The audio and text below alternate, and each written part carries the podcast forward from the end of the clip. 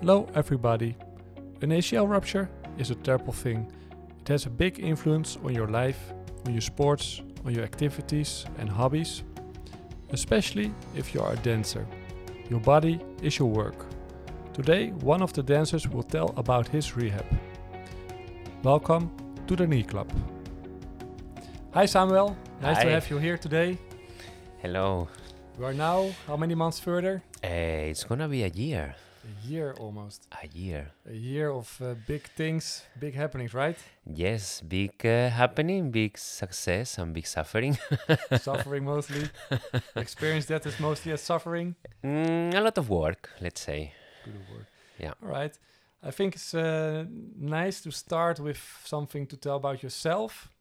Yeah, my name is Samuel Minguillon. I'm a dancer, I'm a teacher and a choreographer, dance maker, and yeah, that's what I do. mostly hobby or Um, my work is my hobby, my passion is my way of understanding the world, and yeah, my way of communicating. So I have a hard time stop stop working.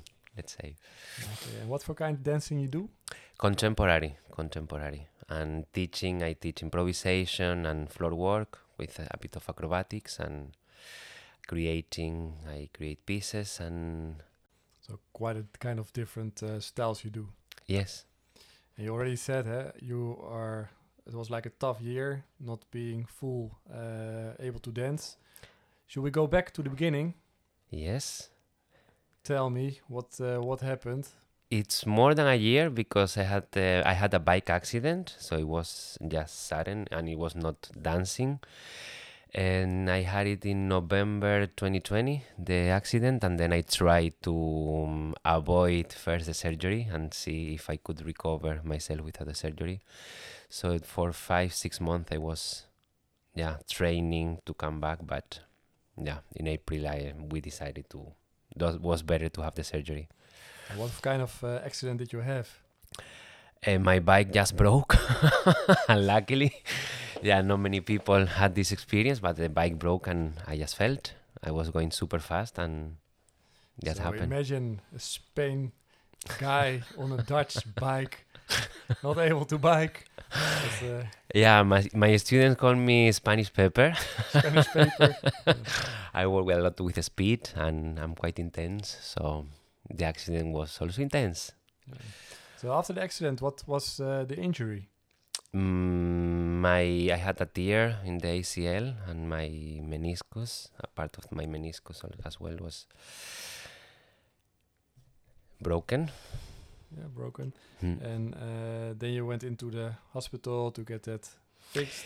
Yes, um, the process was a bit slow because um, the first what they did was um, a photo, and, and there you cannot see what is happening with the ligament. They see that the bone and the structure was okay. So, in the time that the the the knee was swollen, I couldn't have a clear diagnosis. So, um, I had to wait a bit, and the time that I was waiting, I was feeling a bit better. So when I had the MRI and waiting for the result, I was quite positive. But then the news came, and was kind of um, yeah dramatic for for a dancer to have those news. No? Yeah.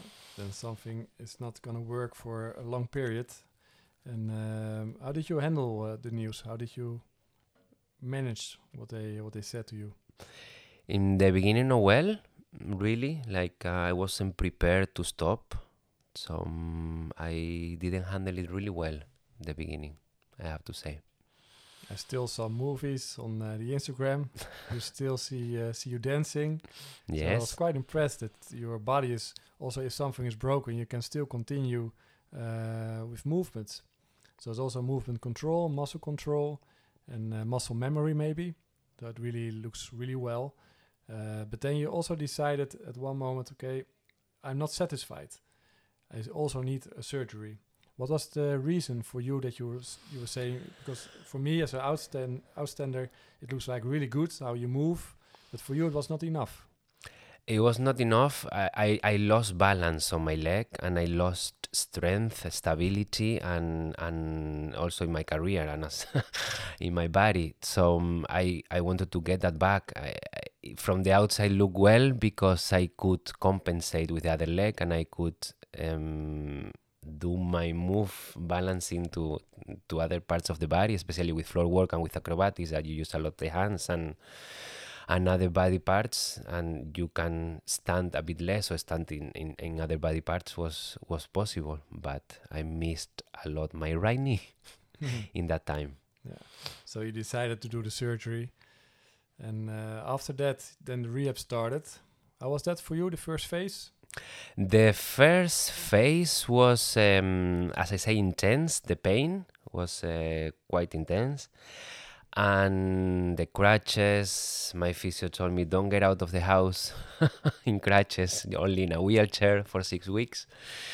So um, he knew Making that wheelies on the Yes. so yeah, that was a bit challenging, and also Amsterdam and wheelchairs is not um, they are not really friendly. Let's say bikes never stop anywhere, Mhm. so it was challenging. And the first phase of the training um, was quite soft because you first need to um, Yeah, do very do? basic stuff. Yeah, what did you do for exercise in the beginning? Uh, at home, just simple bending, trying to bend the leg and trying to keep it stretched and and try to manage the pain as well while um, doing the exercise. But the beginning was really really basic stuff. Yeah, to get the mobility back, some Yeah. basic strength, and then you make your progress in doing the, the doing the rehab. Uh, yeah, just short. What kind of exercises did you do? I did in this year like five million squats. Five millions. You should have like a really brilliant, and uh, maybe there's also a job for him, like a dancer, if you can do like 500, uh, 5 million of kind of squats. Yeah, uh, squats in many, many different versions with weight, without weight, in one leg, in both. Um, I forgot the names of everything what I did, but jumps, jumps with a ball, with different weights of balls, with in one leg, yeah, with rotation, depending on the phase, uh, yeah. Did you always like the exercise and doing exercises? How was that? Um, like nine months, a year long.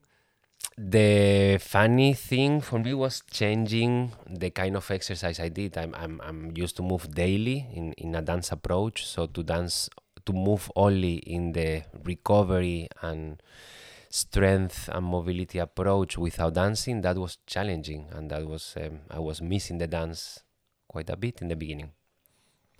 And then the question is, when did you start at the dancing? Eh? Mm, a bit too early, the doctor might say. I I stopped working for six weeks. The six weeks that I could not move with public transport and and not biking. But then I went to the studio after the six weeks. First, I was just talking to to my dancers, to teaching, and when I was creating work. And then just I went to the floor and see, let's see what I can do and what I can mark and what I can um, what I can do more than what I cannot do. No? And was your physio aware of this? I don't think so. I think I like that quite a bit. It's always good patient, right? yes. But you're like, uh, so if you compare yourself to, for example, like a soccer player or basketball player, uh, they can also move really, really good. But most of those guys, they ask me, what exercise can I do on the field? What, when can I start on the field? But you just started.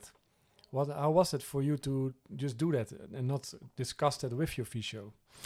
The thing was for me was how can I take the information of the physio that knows much more than me in in, in but how can I take also the um, what I'm feeling and the notion of my body and dance also in the studio and bring it further. So I knew all the limitations. I knew that I cannot jump, I cannot bend my leg, I cannot force many things, but there are many other body parts that are working and are working well. So how can I um, compensate what I lack in that moment? And was also a learning from me and, and, and a learning process also for the people that I'm teaching and that I'm creating for. So it was it was a new opportunity. And after looking back, you think it was responsible to do all this? I don't think it was the most responsible, and I will never recommend it to do it. Would I do it again? Yes. Right. Uh, let's continue. Um, how did you experience the struggle and the fallbacks in your rehab hmm. A struggle. a struggle? a struggle, and it's uh, some days you are very energetic and you are really prepared to work hard in your training and you are really motivated and you come to the physio and the physio see that you have a lot of liquid in your knee and you cannot work as hard that day and that you need to take take some step back and that's kind of um, challenging as well not physically but mentally like kind of How did you handle that? Mm, communication, communication with the physio, and um, also mentally reading other people's process, listening other people's in dance or in sport that had some the same kind of surgery and others or or other injuries. How to how to deal with that? How to deal with the daily struggles of uh, recovery?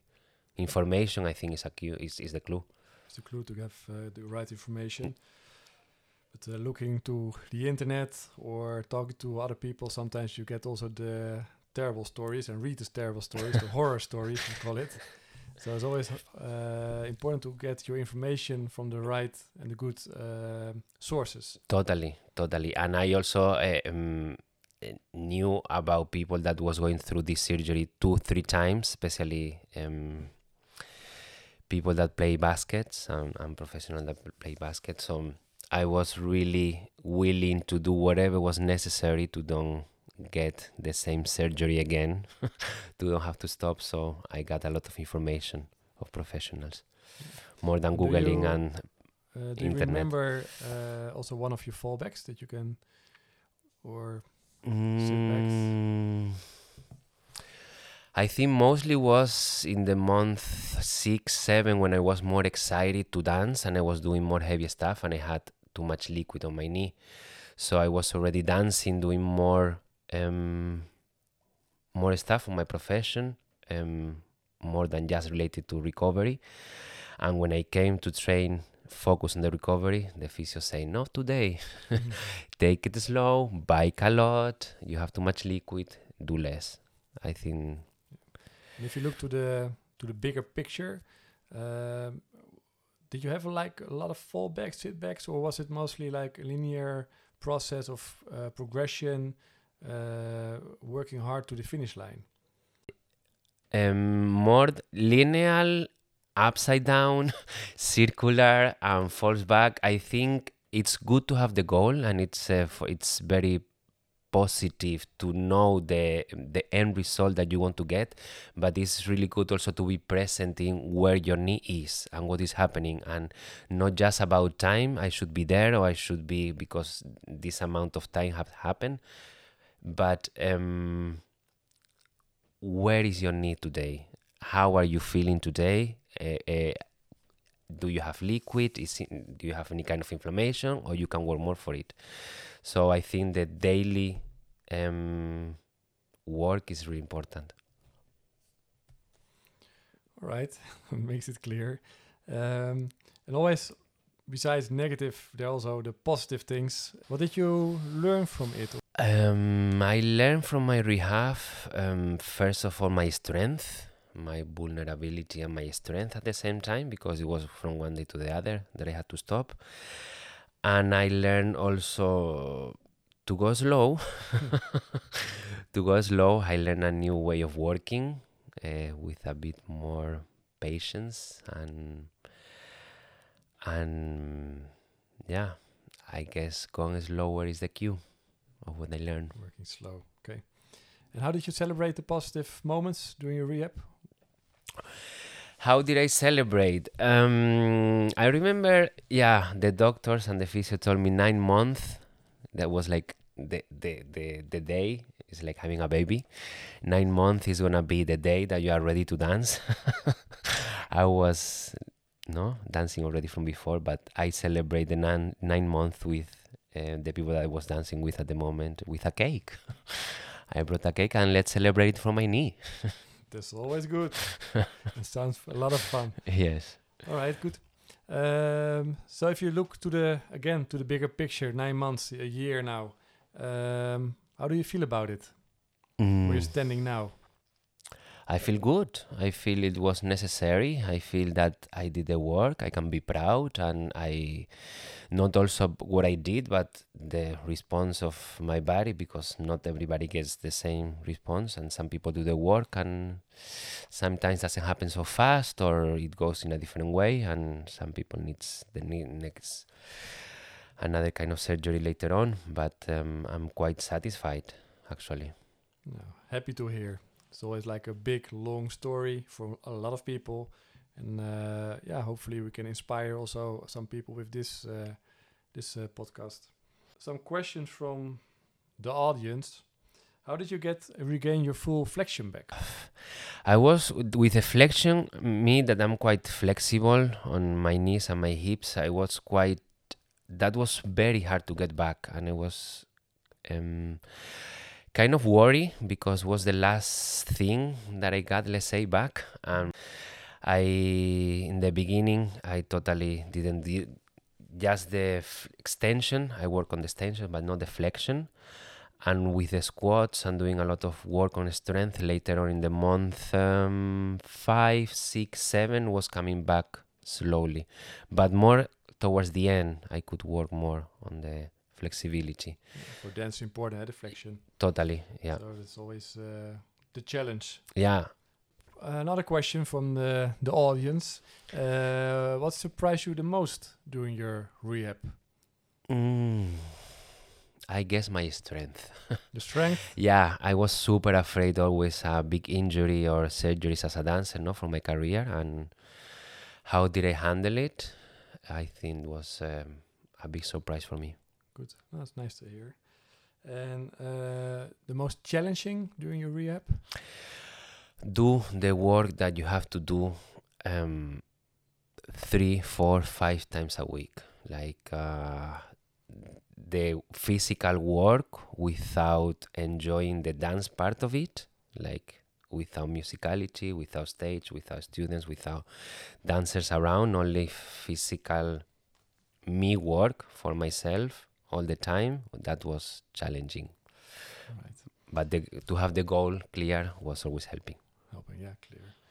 Last question: uh, What do you do uh, for prevention to avoid another injury with your knee? continue continue with strength work it's very easy to fall into um, only the specific work of uh, my dance career no creating i step back and I, I let other people dance and i jump in and out and also teaching uh, it's it's I, i'm very physical during my class but it's also about giving information to others so it's not focusing only in in what i'm doing so um, to continue to prevent um, another injury, it's continue with the strength and flexibility and mobility work Yeah. as well. But also uh, moments you think, okay, I'm not really clear already for this. You skip it, or you do everything now. I try to do everything now. I'm I'm more than skipping. If I do a shorter session or um, now that I have very young students that are younger students than me uh, that are really motivated, we do strength work after my class or it always work to have company around to to go for it. All right, thank you. We come uh, to the end of uh, the podcast, but of course, we always finish with a nice last question. Um, what should be your advice to other people in their rehab? Um, ask for help when it's needed, any kind of help. The injury is not only physical, it's only mental and emotional. Like there is a lot of pain that uh, sometimes we don't talk about. And if you talk about that and you ask for help, it also it's part of the recovery that is totally necessary. And the mindset and the emotional um, set also helps a lot the physicality. So don't be afraid to ask for help when you need it. Stop when it's needed and um, read other people's story. You are not alone on this, and it's more common than what we think. No, that's a good uh, add to the to the podcast. Thank you. All right, like I said, this is the end of uh, our podcast. Thank you for being here, uh, Samuel, and uh, hopefully for next time in other kind of situation than your knee. Totally. Thank you, Michael. You're welcome.